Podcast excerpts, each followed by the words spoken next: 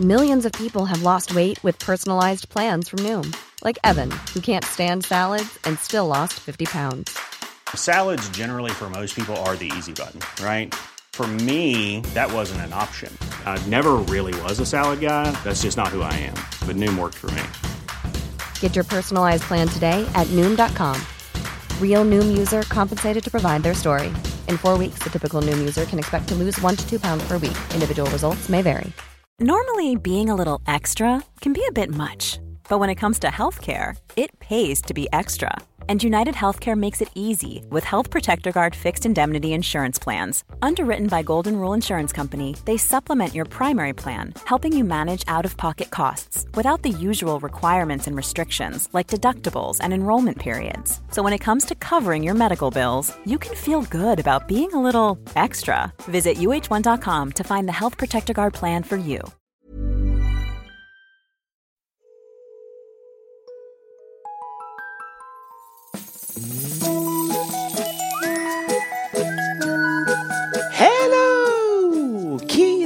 Och välkomna tillbaka till podcasten Mina vännerboken. Sent ska syntaren vakna. Jajamän, vi är fem dagar sena med dagens avsnitt. Jag ber så jättemycket om ursäkt för det. Det är svårt ibland att få ihop schemat. Det är inte eh, svårare än så. Eh, tack alla ni som lyssnade på senaste kompisdejten. I samband med att vi släppte det så tillkom det också en del Patreons. Eh, jag vill framförallt lyfta fram två stycken 5 pattar. Det rör sig om Jörgen Bergqvist och Elinor Skoglund.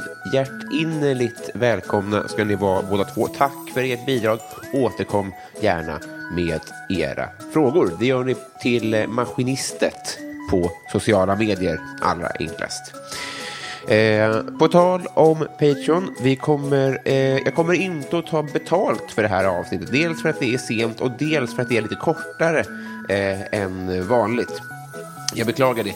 Det bidde så därför att det bidde eh, den här, eh, jag vet inte, Lex-Robin kanske vi ska kalla det snart.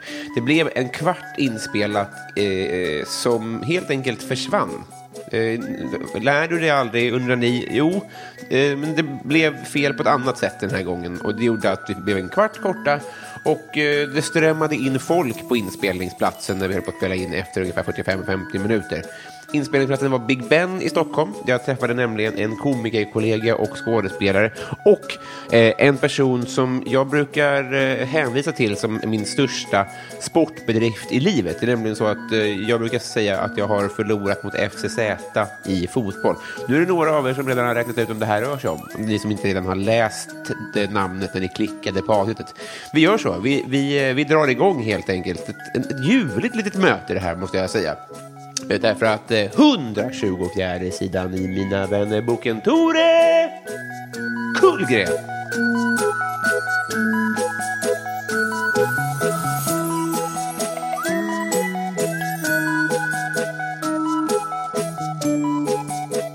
Hej! Hej Robin! Eh, tack snälla för att du eh, tar dig tid. Ja, men detsamma. Eh, är allt bra? Ja, men det är, det är rätt bra. Det är det. Ja.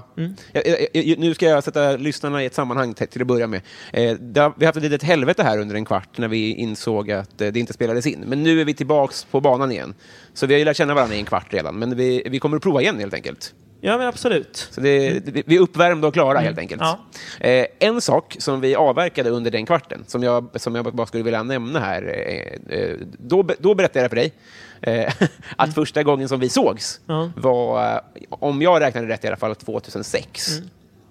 Eh, när vi spelade fotboll tillsammans under Ja. dina FCZ-år. Ja, ja, men precis. Och det här blir ju lite fejkat nu, för är någonting som man gör hela tiden i eh, reality-tv så är det det som kallas reaction shots.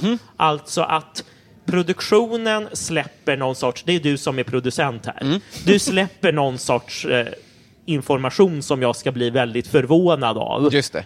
Och eh, den, eh, den brände vi, men det, det var väl egentligen första gången vi träffades sen så har vi ju lärt känna varandra genom humorbranschen. Just det. Och senaste fyra åren så har vi träffats eh, någon gång i veckan ungefär helt enkelt. Då. Ja, men precis. Men nu, här- ja, vi är på Big Ben nu och det är ju här på Big Ben som vi brukar träffas när vi kör stand-up. Exakt, exakt. Eh, jag tar upp mina anteckningar nu, för jag kom ju lite ur fas, ska jag väl säga. Det här är ingen reaction shot. Det du menade med, vad hette det? Så? Var det reaction shot? Ja, men precis. Ja. Eh, tolkar jag rätt då? Är det som i Sveriges Mästerkock när de, när de ska reagera? Va? Ska vi, ska vi äta räkor? Och så, så bara... Är det, är det så du menar? Ja, ja, men precis. Just det. Ja, det var lite det vi fick uppleva här Ja. helt enkelt. Eh, vi ska bli kompisar, är tanken helt Ja. enkelt. Då. Eh, åh, Mm. Idiot, Robin. Det, var, det kändes så himla bra i början. Det var det som var så Ja. synd. Men, men å andra sidan så kanske det är eh, det, kanske det som är det bästa här egentligen. För då blir det mindre, då blir det mer äkta.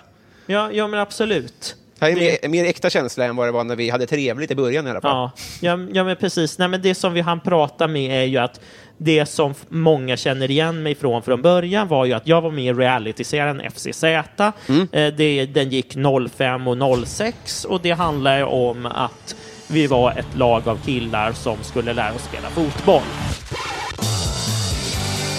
15 killar som aldrig rört en fotboll. Fyra månaders stenhård träning. Med en av tidernas största svenska fotbollslegender. Just det.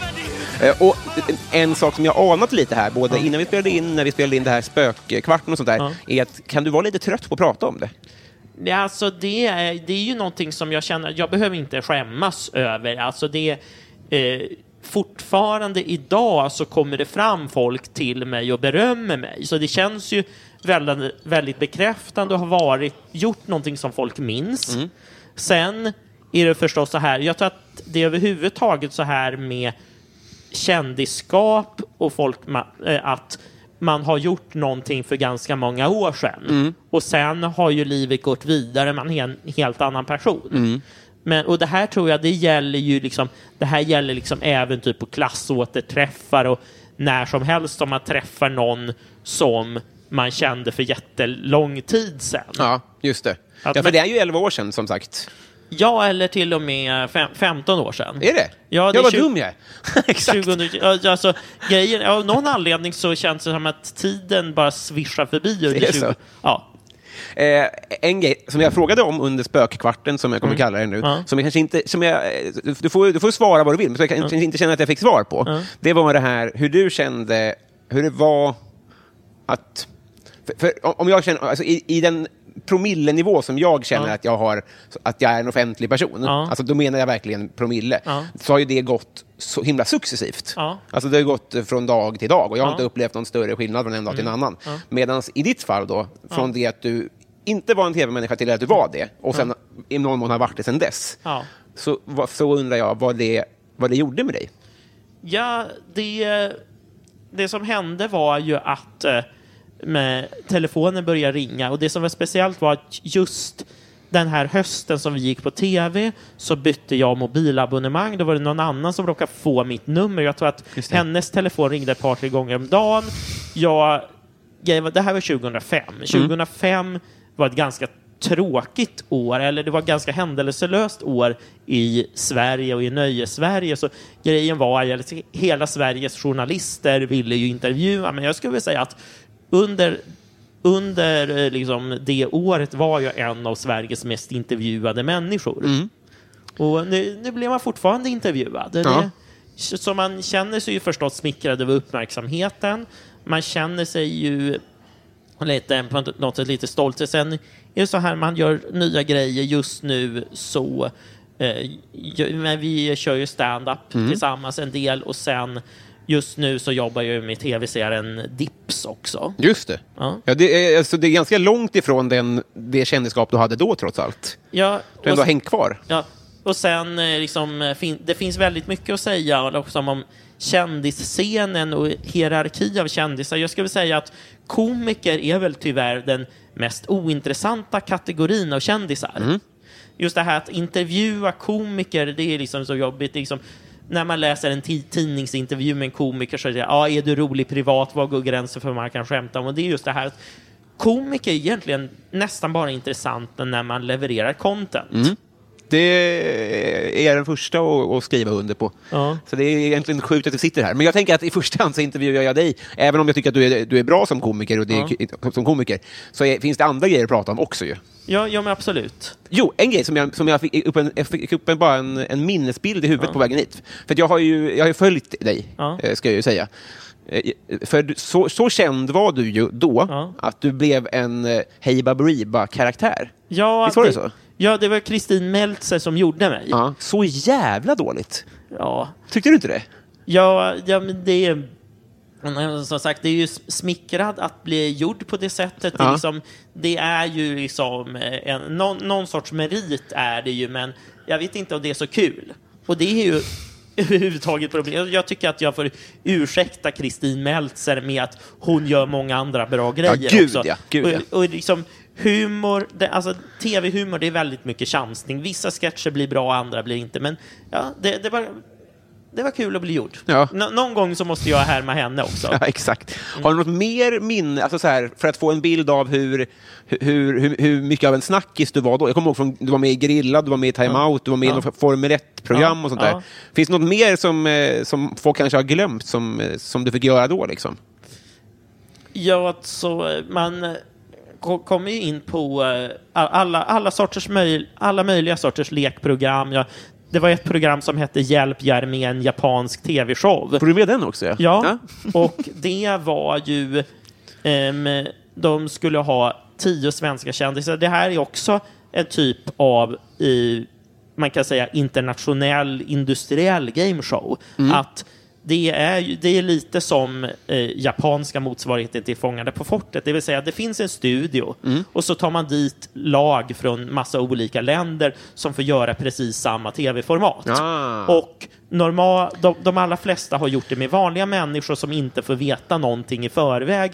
De träffas, nej men säg att det, det var ett amerikanskt team som träffades i Los Angeles och så får, får de veta när de kommer on-site att vi ska åka till Japan.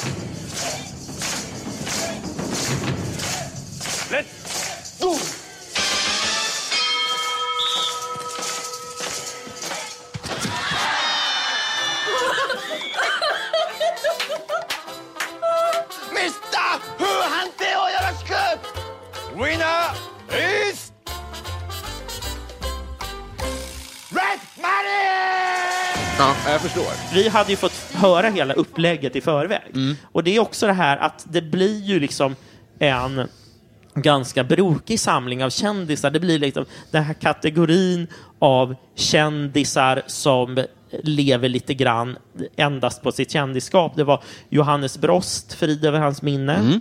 Eh, väldigt rolig typ. Eh, Klasse Möllberg, Sandra Dahlberg, Anna Bok, Kjell Eriksson, Sandra Dahlberg, Ja. eh, Marie Picasso och eh, eh, ja, n- nå- någon till. Nu, nu ska, Regina Lund. Det är ett otroligt gäng. alltså. Ja, det, det är ändå en, en del ganska creddiga namn. Ja. Och, och så Dogge. ja, såklart. Ja. Ja. Men Sa du Anna Bok? Ja, Ja, Anna Bok och Dogge, är, de, de är lågoddsarna i det gänget, får man ändå säga. ja, ja men precis. Det är liksom de, de som skulle kunna ha eh, ett visitkort där det står kändis som titel. Ja, och kanske Glenn också. Ja, men precis. Jag har en förmåga att halka med i samma nöjesprogram som Glenn Hysén också. Just det. Just det. Ja. Eh, nu kommer jag på en till grej som jag skulle Ja. vilja, som, som också var med i Spökkvarten då. Ja. Och det är, eh, jag, jag lyssnade som sagt på en, en, eh, en intervju med det här innan. Nu, kanske du kommer ihåg vad den hette då? Nu har jag glömt bort det igen. Det, det var en gång. Det var en gång hette den. Den, Ja. den rekommenderar jag. Den, Ja. den verkade trevlig. Dålig ljudbild, men det har, Ja. har jag också. Ja, men de hade liksom, det var också att de hade en väldigt, väldigt bredd på sin, sina intervjupersoner. Jag tror att eh, efter mig skulle de intervjua Hanif Bali. Jaha, ja. Mm. Varför inte? Eh, men då, så pratade, då pratade de om eh, di- din... När du kom in på KTH. Ja. Eh, och att du då pratade om att det var första gången som du kände att du... eh, Att du fan. Man kände sig vanlig, man kände sig normal. Exakt. Ja. Det, Ja. ja. Eh, vill du utveckla det lite? Ja, alltså, jag tror att det är väl särskilt så här i tonåren så är det väl många som känner sig lite utanför.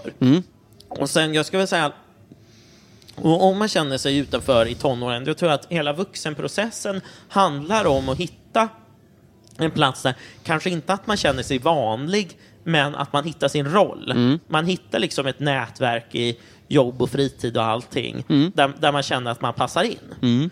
Och eh, jag skulle säga särskilt i humor, humor handlar nog väldigt mycket om att vara en outsider, se saker på helt annorlunda sätt. Mm. Hur känner du, för jag känner igen mig i det i viss mån, men Mm. Ja. hur, känner du, hur långt känner du att du har kommit i den processen? Jag, jag känner att eh, jag har hittat liksom, vem den, den riktiga Tora är. Mm.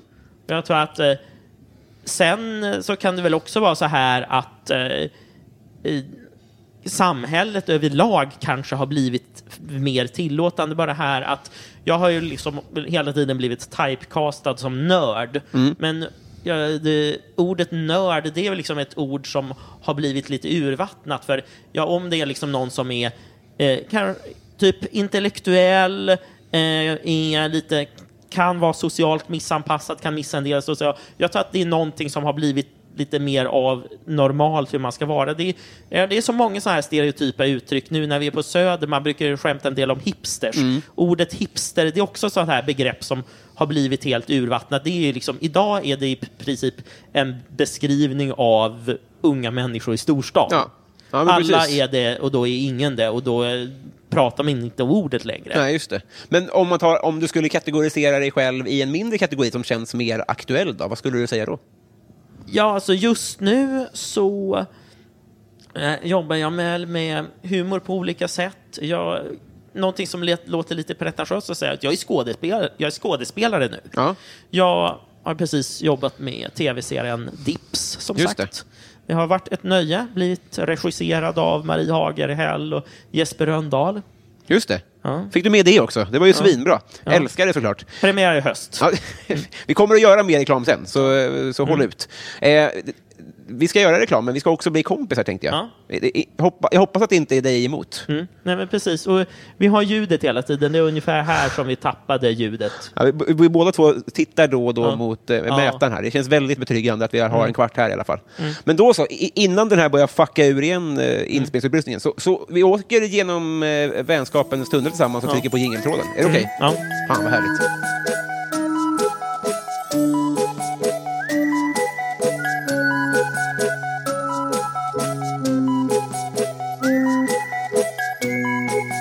Tore, Ja. eh, hur gammal vill du bli? Hur gammal vill jag bli? Eh, Över hundra. Över hundra? Ja. Ja, om du har hälsan i behåll kanske då? Ja, ja, men absolut. Det är väl just det här att man ska inte bara leva länge, man ska vara frisk också. Ja, just det. Men tresiffrigt? Ja. Eh, Utmärkt. Mm. Eh, kändiscrush? Kändiscrush? Eh, ja... eh, Ja, en bra fråga. För, för mig är väl inte kanske... vink- O- Om vi ska liksom gå på, på världsnivå skulle jag säga Emily Blunt. Jag tror att jag Skådespelerskan? Ja. Mm. Hon har sett eh, det, den här filmen som, så, som funkade som ett datorspel. Edge of Tomorrow var det. Jag har nästan inte sett någon film, men jag känner igen namnet. Ja. Nej, men det, det är väl så här att hon spelar en soldat och som har någon sorts superhjälteförmågor. Jag ska inte spoila filmen. Nej. Men jag har liksom en böjelse för överhuvudtaget, även Gal Gadot. eh, Alla som har spelat superhjältar eller kanske är superhjältar på riktigt. Ja. Liksom där, jag, jag, jag har eh, en, alltså en liten grej för liksom, lite tuffa tjejer. Mm. Ja, fan vad, eh, låter härligt tycker jag. En grej som jag skrev upp i mina anteckningar, nu bryter jag formatet här med kortfrågor, Ja. men eh, jag såg dig köra stand-up här för två, tre veckor sedan kanske. Ja. Och då, jag, jag har sällan, det var en, framförallt en grej som jag, jag sällan skrattat så mycket åt en grej som du sa. Och det var att, eh, som du, gärna- om du vill får utveckla, Ja. och du sa att det var en, en ett Instagramkonto eller en Facebookgrupp eller något sånt där som hade utsett dig till, alltså, var det månadens gråtrunkare? Ja, Det är ju helt Ja. otroligt. Ja, vad, vad, vad rörde sig det här om? Eh, Bakgrunden är ju att jag twittrar mycket. Jag heter Torek på Twitter, Mm. Ja. Torek H. Och eh, jag skriver om allt möjligt på Twitter. En, det, som politik. Jag brukar skriva en del om relationer också. Mhm, Och ibland ett så här relationsämne som jag försöker eh, borra lite i, för det är ingen annan som riktigt gör det här, är manlig attraktivitet. Mhm. Och just det här, jag tror att vi har ju, eh, i alla fall som samhället ser ut, så handlar väldigt mycket av samhället om att kvinnor gör sig attraktiva i utseende och beteende. Och, eh, medan män är helt clueless. Alltså mi- vissa, okej, i alla fall på den liksom straighta datingscenen så är det så här, vissa män är väldigt populära, andra män har det helt hop- hopplöst och det är liksom inte helt uppenbart. Och så skrev jag liksom en Twitter-rant på det här att ja, det, det är jobbigt för män att veta hur man ska bli attraktiv och så vidare.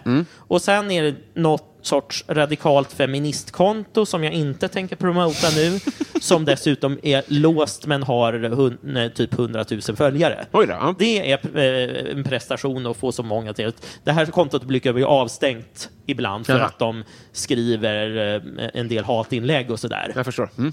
Så de, de har ju en del backuper till samma kontot. Men de hade liksom då screenshotat det här, att jag säger att ja, män har det jobbigt, så har det skrivit det är inte synd om män, jävla gråtrunkar och så vidare. Det anspelar på att jag är en man som tycker att män är förtryckta och så vidare. Okej, okay, Okej, det kan jag säga mycket, men ja, okej, okej, det, det är lite jobbigt att läsa här, men man kan ju göra en kul grej av det. Det är någon sorts utmärkelse ändå, att liksom någon sorts eh, grejen är att i, i, sociala medier så finns det ganska många så här, ganska radikala, provocerande konton och eh, om man blir utsatt för det här så kan man göra en kul grej av det. Det var så jag tolkade det också, att Ja. du ändå kunde göra en kul grej av det själv och därför Ja. så kunde vi skratta åt det också. Ja, ja, men precis. Och det är väl en fördel. Jag har ju varit inne i kändissvängen, jag har blivit häcklad, jag har blivit härmad av Kristin Meltzer. Och man, det är också någonting man lär sig i kändissvängen. Man behöver kunna ta en häckling, man behöver kunna ta en förolämpning. Det, det är ju en konst så att man ändå själv, fram, för att ta ett modeuttryck, så man själv framstår som en vuxen i rummet och det är liksom det här eh, radikala kontot bara framstår som troll. Just det. Ja. Du kanske borde trycka en t-shirt till och med. Ja. Ja. ja. Det var väldigt roligt för dig. Eh, vad unnar du dig? Vad jag unnar mig i... Ja, jag unnar mig... Nu, nu har mitt liv blivit ganska begränsat för jag håller på med ett stambyte och jag har precis flyttat in till mina föräldrar. Och det är ju liksom att flytta hem till mamma och pappa vid 39 års ålder. Det är lite blandade känslor. Pappa lagar fantastiskt god mat. Mm, härligt. Mm. Så eh, de skämmer bort mig en hel del med Mm. att jag, jag får hans goda mat och mamma tvättar mina kläder och sådär. Men samtidigt så känns det lite som att man går i barndom igen. Mm. Det är lite hämmande för ens vuxenhet. Just det. Men i, när, du, när du inte bor hemma hos dina föräldrar, generellt, vad är, ett, vad är ett unn för dig? Ett unn, jag... ehm, Ja, det, det är väl helt enkelt att bara, bara, bara liksom att sitta och ja, det är till exempel spela riktigt nördiga datorspel. Ibland så kan man liksom slösa bort en hel natt på att spela Cities Skylines. Jag vet inte om du känner till det? Det är inte jag, men förmodligen många av tittarna. Ja, ja, heter. det är ju egentligen ett datorspel som ett finskt datorspel faktiskt, Mhm. som marknadsförs av svenska Paradox. Mm. Och som handlar om stadsplanering. Simcity känner de flesta Mm. till. Senaste Simcity floppade totalt. Då gjorde de liksom, det här är egentligen Simcity som det borde Mm. ha gjorts. Men du kan lira hela nätter då alltså? Jag, jag har upptäckt att det är liksom inget bra för hälsan att göra. Nej. Nej. Men ett unn likväl? Ja. Eh, vi tar... Eh, har du någon allergi? Jag är allergisk mot eh, vissa former av penicillin. Jaha. Och jag har lyckligtvis aldrig behövt eh, penicillin. Nej. Så det har inte varit något problem hittills. Du är frisk generellt? Ja, oftast är jag frisk. Ja. Jag har haft lite nagelsvamp och sådär. Och jag är närsynt, jag har dåligt färgseende. Mitt dåliga färgseende gjorde att de inte var så intresserade av mig på mönstringen. Jag, Nej. Mm. Så det blev ingen lump alltså? Nej, alltså de... eh, Jag tyckte att de... Jag hade så dålig syn så att jag kunde inte göra någonting spännande, men eh, de ville ändå att jag skulle göra någonting, så jag blev expeditionsbiträde, men jag överklagade så jag slapp göra det. Så jag är född 80, det var väl så här att i min årskull så var det väl typ en tredjedel av killarna som gjorde lumpen. Och det var, så här, det var väl då som man började få in tjejer i lumpen. Men ö- överlag så var det liksom vilken förevändning som helst funkade utom jag vill inte. Ja, just det. Ja, precis. Men om du hade fått göra någonting eh, coolare, hade du tackat ja då?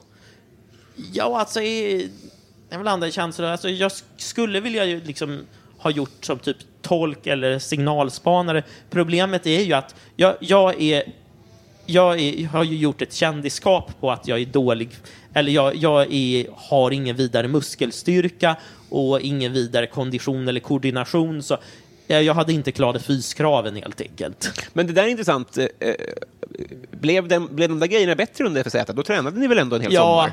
ja, jag kan säga att jag börjar få bröstmuskler till och med. Det var så? Man märker ju att kondition, alltså vem som helst kan träna upp kondition, man kan träna upp styrka så man blir bättre, men det är någonting man, man känner att man tappar. Mm. Och det man känner ju också när man har, har liksom gått från egentligen aldrig ha tränat vidare utom skolgympan Ja. och sen ska man plötsligt eh, ha fys och bollträning i princip varje dag. Man kände att då ökar aptiten och det är dessutom det här, det här var samtidigt som jag flyttade hemifrån. Så då lägger man sig till med matvanor. Så faktiskt så har jag sett efter FCZ så gick jag upp en hel del. Jag kanske gick upp en 7-8 kilo. För man vänjer sig vid att äta som när man tränade. Det var exakt som min lump faktiskt, så det Ja. kanske var lite samma sak helt Ja. enkelt. Eh, om du fick en kostnadsfri, riskfri operation, Och, och, vad fan, jag måste tänka.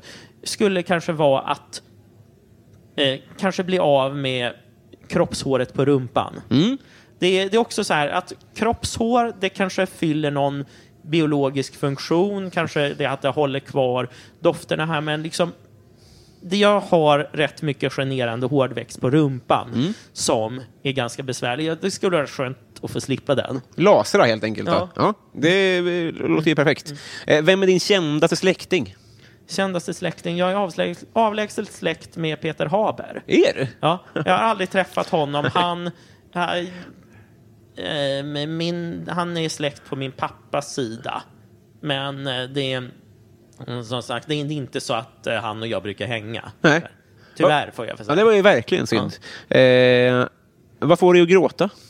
Gråta. Ja, det, det kan väl vara lite här när man eh, typ när man ser dokumentärer om krig och folkmord. Sånt här. Jag tror att det, det känns väl ganska naturligt. Just det. Eh, paradrätt? Paradrätt. Jag har, gör... De som följer mig på Instagram vet att jag gillar att göra grytor. Hey, it's Danny Pellegrino from Everything Iconic. Ready to upgrade your style game without blowing your budget? Check out Quince. They've got all the good stuff shirts and polos, activewear, and fine leather goods, all at 50 to 80% less than other high end brands. And the best part? They're all about safe, ethical, and responsible manufacturing. Get that luxury vibe without the luxury price tag. Hit up quince.com slash upgrade for free shipping and 365 day returns on your next order. That's quince.com slash upgrade. Quality sleep is essential. That's why the Sleep Number Smart Bed is designed for your ever evolving sleep needs. Need a bed that's firmer or softer on either side? Helps you sleep at a comfortable temperature? Sleep Number Smart Beds let you individualize your comfort so you sleep better together. JD Power ranks Sleep Number number 1 in customer satisfaction with mattresses purchased in-store. And now save 40% on the Sleep Number limited edition Smart Bed for a limited time. For JD Power 2023 award information, visit jdpower.com/awards. Only at Sleep Number stores or sleepnumber.com. Det är så olika varianter av köttgryta och sen liksom, jag gillar att liksom man byter ut man byter land på kött. Säg att man gör en bœuf bourguignon, typiskt fransk, men liksom lägger i rödvin och så här. Och sen kan man, om, om man ändrar på kryddorna lite grann, då blir det lite italienskt. Och sen om man har curry och kokos, det kanske blir lite mer thailändskt. Så här. Så köttgryta är liksom, man kan bara byta ut någon grej så blir det liksom helt annan upplevelse. Just det. Eh, supersvar. eh, vad älskar alla andra, vilket är helt jävla obegripligt? Eh, ja, det är ostron. Ja, just det. Det sägs vara så här lyxrätt. Det, alltså, det är också det här, jag flyttade hem till mina föräldrar häromdagen. De skulle fjäska för mig lite och hade köpt hem, hämtmat och då hade de köpt liksom, yakiniku i ostronsås. Det vill säga typ ja, det enda som jag inte äter bjuder de på första gången. Fan, det var ju synd. Eh, vad tycker du om ditt namn? Tore, jag tycker att det är lite skönt att ha ett lite ovanligt namn. Det är lite så här att man... Jag, jag tycker... Jag, jag vet inte om det du, du har upplevt det.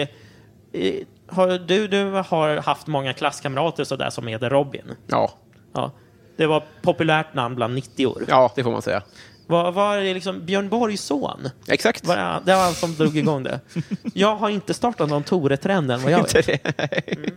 Nej, alltså det är inte som... Det, exakt, du kanske var sist. För det var en del äldre som hade... Där Ja, ja, alltså det, det, det, det är vanligt i Norge. Okej. Och sen brukar man säga så här att namn går lite grann i... Namn eh, kommer tillbaka var tredje generation. Jag brukar, en, en, en spaning som vi har gjort att de mest kända svenskar som är födda på 2000-talet heter Greta och Einar. Mm, just det. Min mormors far hette Einar. Ja.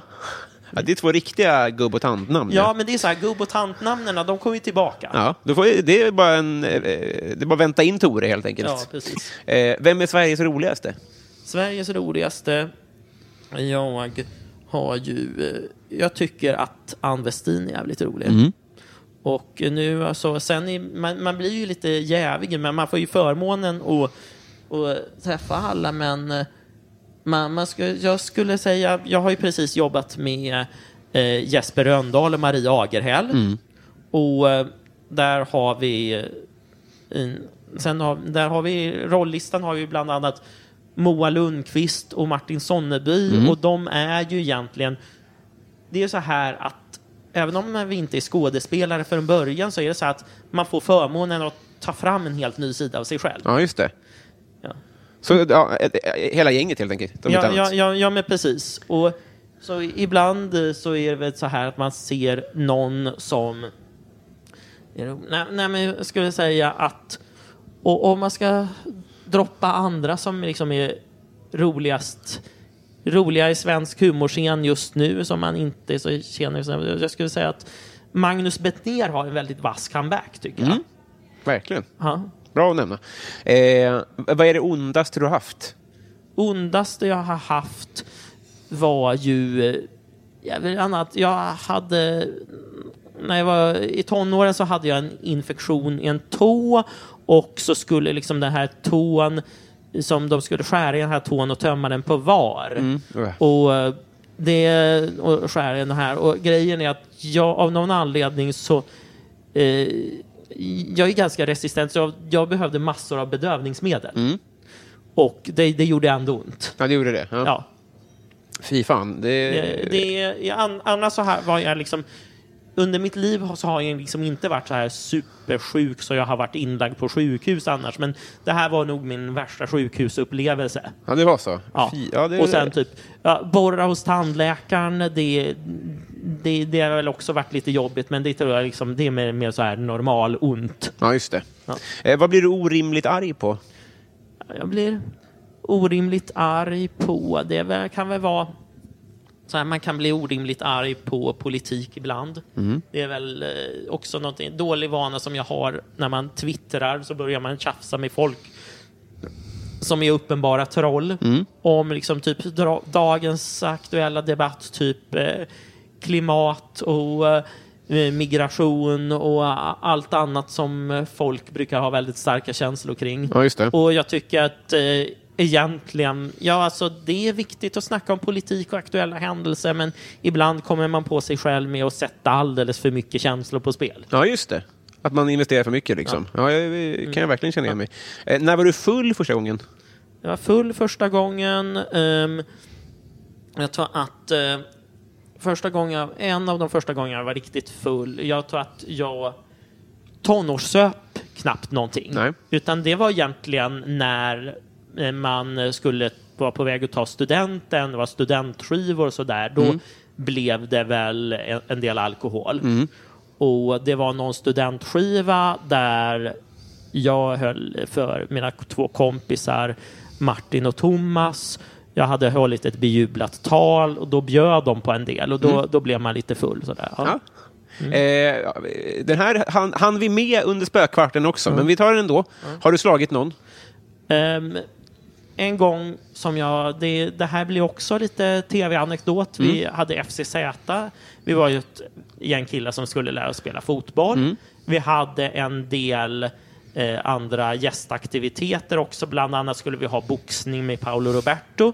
Och då så skulle vi gå upp i ringen och sparras. Och folk som vet någonting om kampsport vet ju att det här är ingenting som man sätter nybörjare på. Så det här var kanske en miss av det här. Och jag tror att det här Paolo Roberto, det är också en kändis som har utvecklats med åren. Han var liksom, nu är han lite av en mysfarbror. Tycker du det? Fortfarande hade helt galen alltså. Ja, ja, det är lite olika. Då, då var han i alla fall den här tuffa Paolo. Ja. Men jag, jag tycker att han...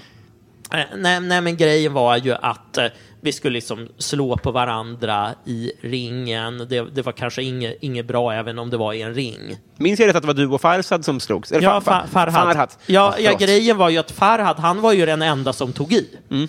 Och det gör, gjorde ju liksom att eh, nu så hade vi liksom, man brukar ju ha handdukar i boxning, Mm. men nu ha, hade vi liksom inga sekunder. Så det var så här, han, han var den enda som slog på riktigt. Ja. Och eh, jag så här, så här, puttslog lite grann Just på de det. andra. Men han slog på riktigt och det gjorde ju liksom att alla matcher slutar ju med att någon la sig. Alltså, okej, man har väl inte motsvarigheten till knockout. Nej. Utan så fort någon slår på riktigt så, ja, ja, ja man, man kan säga att det var väl ett av, eh, det, det var ett jobbigt tv-ögonblick men det var ju liksom en, ändå någonting av det som har format min kändiskarriär om man Ja. ska vara så här dryg. Faktiskt så är det så att jag har en bakgrund som kampsportare. Just det, ja. Jag har tränat jujutsu som tonåring. Mm. Det är egentligen den enda sport som jag har hållit på med utanför skolgympan. Ja, just det. Och det kan väl rekommenderas som träning. Ja. Om man vill lära sig någon form av självförsvar som kanske är lite mer filosofisk. Ja. Ah. Ja. Men dock var jag ändå fortfarande relativt otränad. Ja, just det. Men Ja. du, hur, du, du eh, idrottar ingenting nu alls då? Nej, alltså men... Eller jag, jag cyklar när Mm. vädret tillåter och jag försöker väl köra stegräknat. En, en grej som man märker med åren är ju att man är så illa tvungen att röra på sig. Mm. Va, vare sig man tycker det är kul eller inte. Man, jag försöker komma ut och dansa på nattklubbar lite grann. Man Mm. får, försöka hitta eh, ett sätt att eh, liksom, ja, typ förfina sättet att ragga på dansgolvet sådär. Just det. Mm. Är du singel nu? Nu är jag singel. Ja. Ja, då får, det blir mycket träning då på dansgolvet. men precis. Mm. Eh, partytrick? Partytrick, det är väl att eh, jag, man, man gör så många olika komiker att man kan droppa en stand-up-rutin lite som en eh, som en del av snacket på partyt och överraska lite. Ah, Den är just det. o- oväntat rolig. En, en grej som jag har tänkt på är ju att liksom, det finns väldigt, om man säger komik, att man är komiker, då får man väldigt ofta den här klyschan, ja men säg något kul då. Mm. Och jag märkte att det är inte många komiker som har en bra comeback. Jag har en comeback på den där som jag har snott från någon komiker som jag glömt bort vem det var som inte kör längre. Okej. Mm. Det är så här, nej men någon säg något kul då. Då säger jag, ja, jag har en kompis som trollar och folk säger, kan du inte trolla lite? Så därför har jag börjat säga att jag är porrskådis. Nej, jättebra. Ja. Ja. Ja. nu har jag spoilat den förstås. Kanske är dumt att spoila sina party lines. Eh, Perfekt var det. Har du vunnit en tävling någon gång? Ja, ibland så vann man en tävling. Jag vann poesitävlingar i, eh, i gymnasiet. Har ham, hamnat i några poesiantologier mest för att jag faktiskt jag skrev ett, ska säga, lite nördig naturvetenskaplig poesi om, eh, om evolution och sådana här grejer. Kan du återberätta någonting? Går det? Men det, jag tror att det, det gör sig bäst i text. Det gör det? Ja. Ja. Nej, och sen så har man ju också varit med i lite olika game shows och sådär. Jag var med i en game show på TV3 som hette Singing Bee. Jaha, Det gick just det. ut på att komma ihåg sångtexter. Det var, det var också ett så här typisk kändiscasting. Det var Claes av Geijerstam, det var eh, Eva Nasemsson. Kräk-Eva. Ja. Ja, precis. Det, Tog du hem den? Eh, Ja, jag vann faktiskt. Jag slog ut både Dominika Persinski och Claes av Geijerstam i en musiktävling. Men de, de, de, de tog det väl med en klackspark. För mig var det allvar. Var, är, är det något pris i sånt där? Nej, alltså man får ett... Eh, man får ju ett gage, man får som i princip bara en timpenning. Man blir liksom inte rik på att... Men sen får man ju också eh, eh, tävla i en final där man liksom får samla in pengar till något ändamål. Jag valde ändamålet one, lap per, one laptop per child. Mhm, Och det går, det går ut på att man skulle köpa in datorer till folk i, o- eh, till utvecklingsländer. Nu visar det sig att det var bara Uruguay som har hoppat på. Uruguay är inte något fattigt land längre, så de kanske hade råd med sina egna datorer ändå. De fick sin andra laptop helt enkelt. Ja, kan bli lite så. Mm. Eh, har du varit i Rom med alpin? Eh, nej, Nej. hur, hur så? Nej, det är sista frågan innan vi går in på Patreon-frågan. Eh, Rebecka Lindfors hon undrar så här. Vilket tema ska en frågesport ha för att du ska ha störst chans att vinna?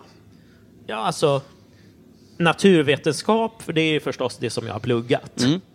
Och det eh, och eh, om man ska bort- bortse från det, det jag, framförallt, jag vill slippa sportfrågor. Jag förklarar jag själv klassiskt ointresserad av sport. Jag, grejer, jag brukar inte heller vara så bra på, om man säger typ, när man, det man kallar kulturfrågor, det brukar ju ganska ofta vara kändisskvaller. Mm, popkultur Typ- liksom. Ja, precis. Det, ja, typ vem som har varit gift med vem handlar nästan alla de där så kallade kulturfrågorna om. Kändisskvaller är jag dålig på, men andra grejer, jag är väl rätt bra på geografi. Mm. Eller är lite bra på. Just det. Ja, du är otrolig på På spåret, visst är det så? Du, Ja. du lägger upp dina resultat på Instagram. Ja, ja men precis. Det har gått bra i år, va? Ja, jag fick till och med beröm av Christian Lok. Är det sant? Ja, men han spelar ju också i Dips. Just det. Ja. Fan vad fint. Eh, Filip Sigholm, han undrar, vad gillar du som andra skulle tycka är lite udda? Ja. Så fan vad det är. Ja, men... Jag gillar, det, är ju- det är väl just det här att man gillar att prata inför publik. Inte bara när jag kör stand-up, men jag tycker att det är kul att hålla tal. Jag tycker det är kul att hålla muntliga presentationer. Även om det liksom är i en utbildning eller en kurs eller ehm, jag höll ett eh, begravningstal för min mormor för några år sedan. Kul är kanske inte rätt ord, men det är alltså hålla tal, det är någonting som väldigt många människor tycker är jobbigt.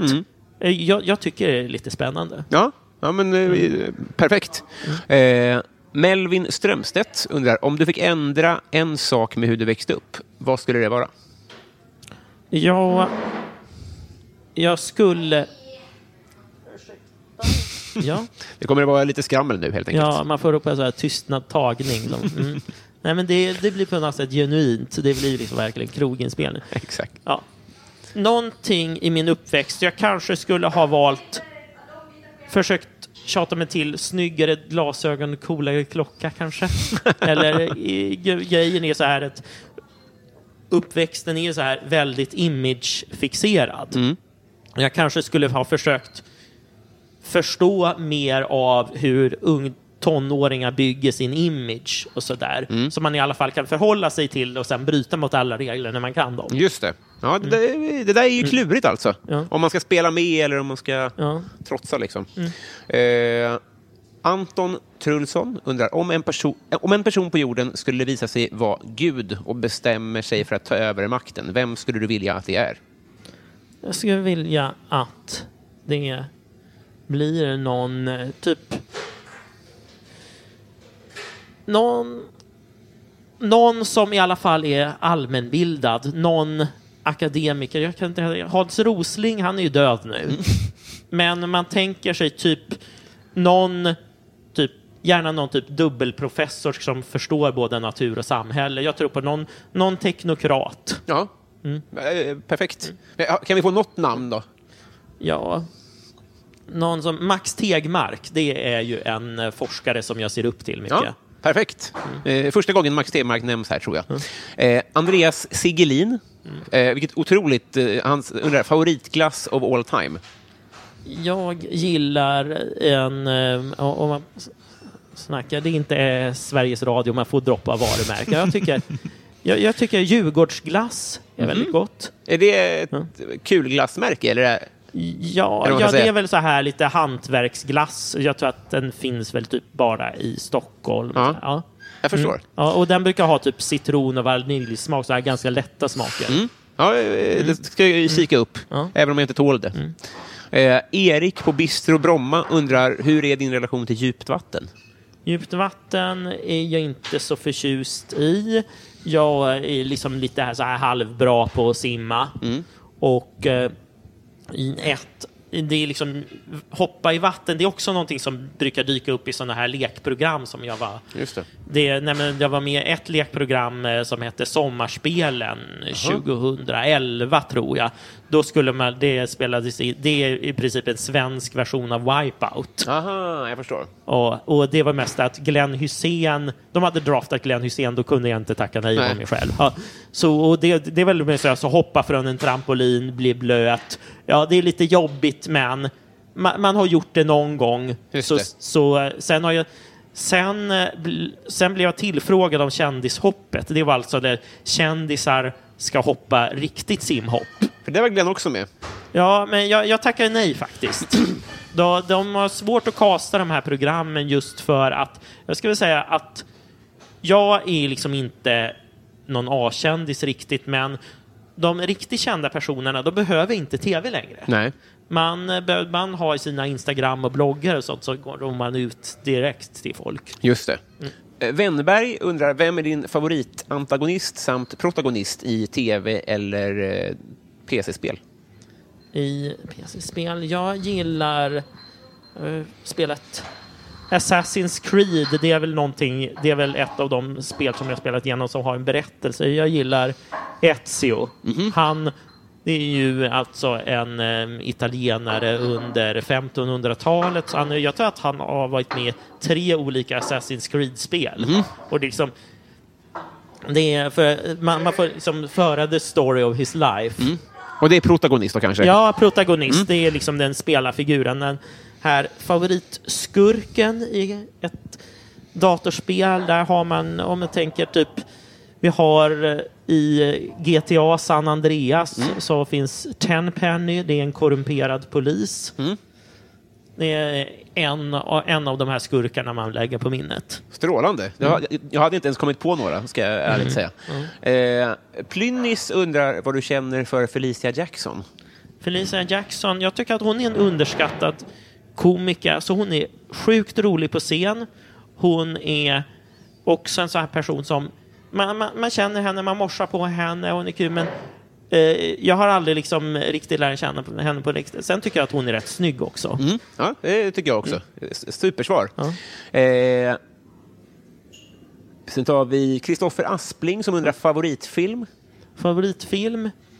Jag gillar eh, Cloud Atlas. Det är en väldigt vacker dystopisk film. Alltså jag gillar science fiction-filmer som har lite socialt budskap. Eh, är det, när kom den då? Den kom väl för några år sedan, 2010-talet i alla fall. Okej, jag får inte upp någon bild. Men det var eh, eh, supertips tror jag, för Ja. jag har inte hört om den ens. Eh, sen tar vi eh, Johan Lundberg som undrar vad vill du helst checka av på din bucket list innan gardinen dras för? Ja, man skulle vilja resa till eh, lite fler stora världsstäder. Det är väl framförallt, jag gillar Europa, jag har väl eh, jag skulle vilja åka till Grekland. Göra en liksom så här hi- historieresa runt Grekland.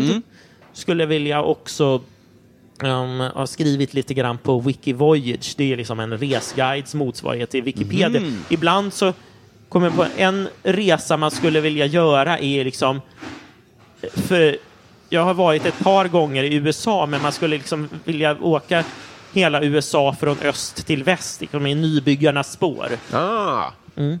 Eh, reser du mycket? Ja, jag har varit runt en del i Europa på senare år framför allt. Ja.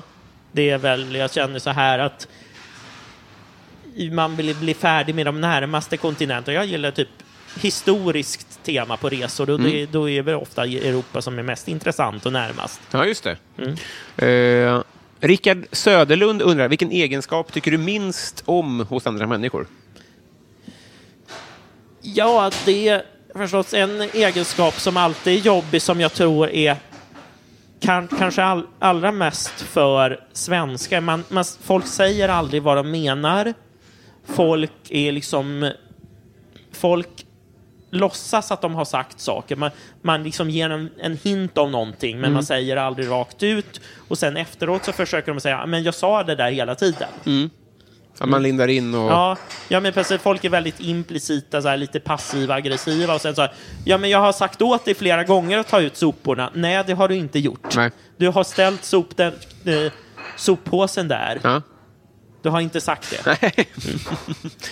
eh, Karlstad Comedy Club. Mm. Har du kört där förresten? Nej. Nej, det rekommenderar jag. Mm. De eh, undrar så här då. Om till exempel standupklubben Karlstad Comedy skulle komma på idén att utnyttja den här frågan bara för att på ett kostnadseffektivt sätt sprida varumärket Karlstad Comedy. Skulle det då vara A. Genialisk marknadsföring av Karlstad Comedy eller B. Mest upplevas som lite pajigt och sunkigt av Karlstad Comedy? Jag tycker att det är ett lite smart drag av dem. Och jag tycker att de skulle kunna lösa det genom att boka mig. Jag har inte kört stand-up i Karlstad ännu. Nej. Jag gissar att jag skulle gå bra där. Jag märker ju att jag går rätt bra utanför Stockholm. Just för att jag pratar mycket om tv och man märker att Stockholm är det så här, "Äh, jag har ingen tv, jag tittar inte på dokusåpor. Nej. Men det är perfekt. Boka Tore, det, det backar jag till 100 procent. Eh, Daniel Melin undrar, vilken är din mest kontroversiella åsikt? Ja, min mest kontroversiella åsikt, det är kontroversiella åsikter. Det är väl eh, handlar ju bland annat om stadsplanering. Jag är aktiv i nätverket Jimby. Det står för Yes in my backyard. Just det. Mm. Och eh, vi jobbar ju för att eh, ha liksom mer tät, ibland hög bebyggelse i Stockholm. Och ja, nu byggs det ju rätt mycket i Stockholm, men vi är för ännu mer. Och min hemkommun Lidingö, där, är liksom, där har man den här attityden som heter Not in my backyard. De säger vi vill ha kvar vår gräsplätt här och så vidare. Eh, Lidingö kommun har ju 50 000 invånare nästan ungefär. Jag, jag skulle kunna tänka mig en fördubbling av det, men det är typ bara jag i hela kommunen som tycker så. Ja, kanske just i den kommunen också. Ja. Kanske det allra minst, om jag, Mm. mina fördomar Ja. fritt. Ja, Det är ju ett perfekt svar. Eh, Kristina Takman undrar, hur många språk kan du göra dig hyfsat förstådd på? Svenska, engelska, tyska, men eh, som jag inte övar på så ofta.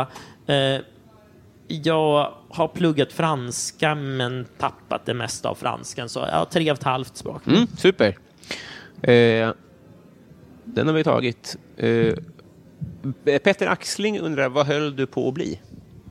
vad jag höll på att bli i mitt liv. Jag, eh, svårformulerad fråga. Jag höll på att bli en ren naturvetare. Det är väl jag ho hoppas kunna gå in mer på en riktig ingenjörskarriär framöver och helst kombinera det med nöjen på något sätt. Man, man får se, livet går vidare. Just det. Eh, Joel V. Kall undrar så här. Du står på jordens yta. Du går en mil söderut, en mil västerut och en mil norrut. Du hamnar exakt där du startade. Var är du? Den, den är gammal, ja, det är på Nordpolen. Eh, stämmer fint. Nu kommer det tusen personer här, men vi kör vidare. Eh, Desi Hetala, hon undrar, om man inte har en sån här podd, hur blir man då din kompis? Ja, man eh, kan till exempel gå med i nätverket Jimby och komma på våra ölkvällar. Nu så, vår närmaste träff är inte bestämd i tid, utan vi ska ju fira när bron till nya Slussen kommer till Stockholm. Då kommer vi gå ut och ta en öl.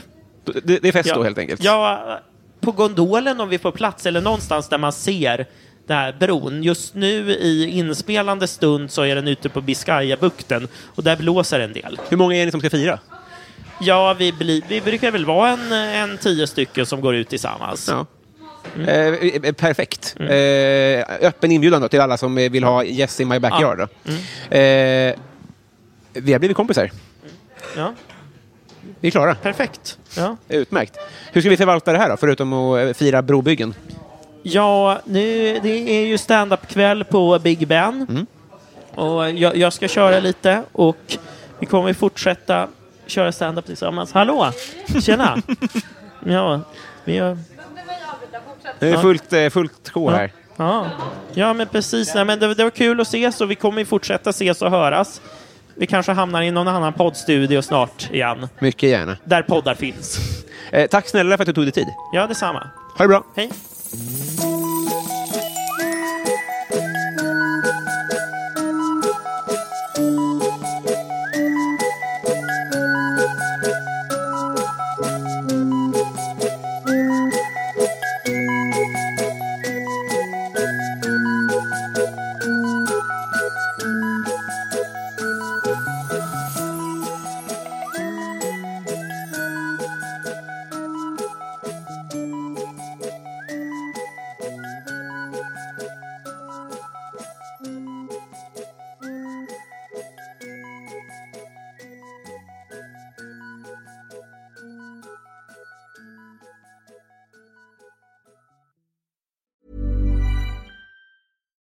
We're on a budget, we still deserve nice things.